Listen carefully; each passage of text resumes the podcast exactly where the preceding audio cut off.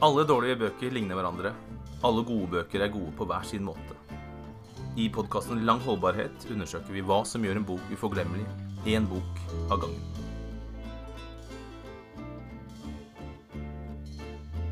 Alle som har sett forsiden på denne boka, har sett at det er en livbåt um, med en tiger og en gutt. Ja.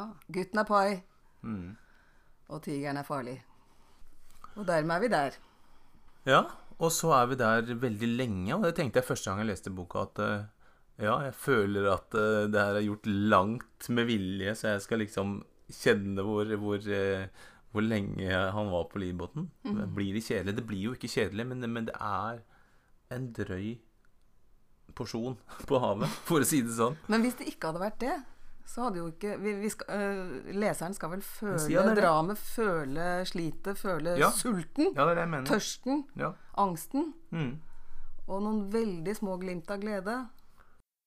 Tror du man kan overleve litt bedre etter å ha lest denne boka, eller? Skal... Jeg tenkte veldig mange ganger at her hadde jeg dødd fort.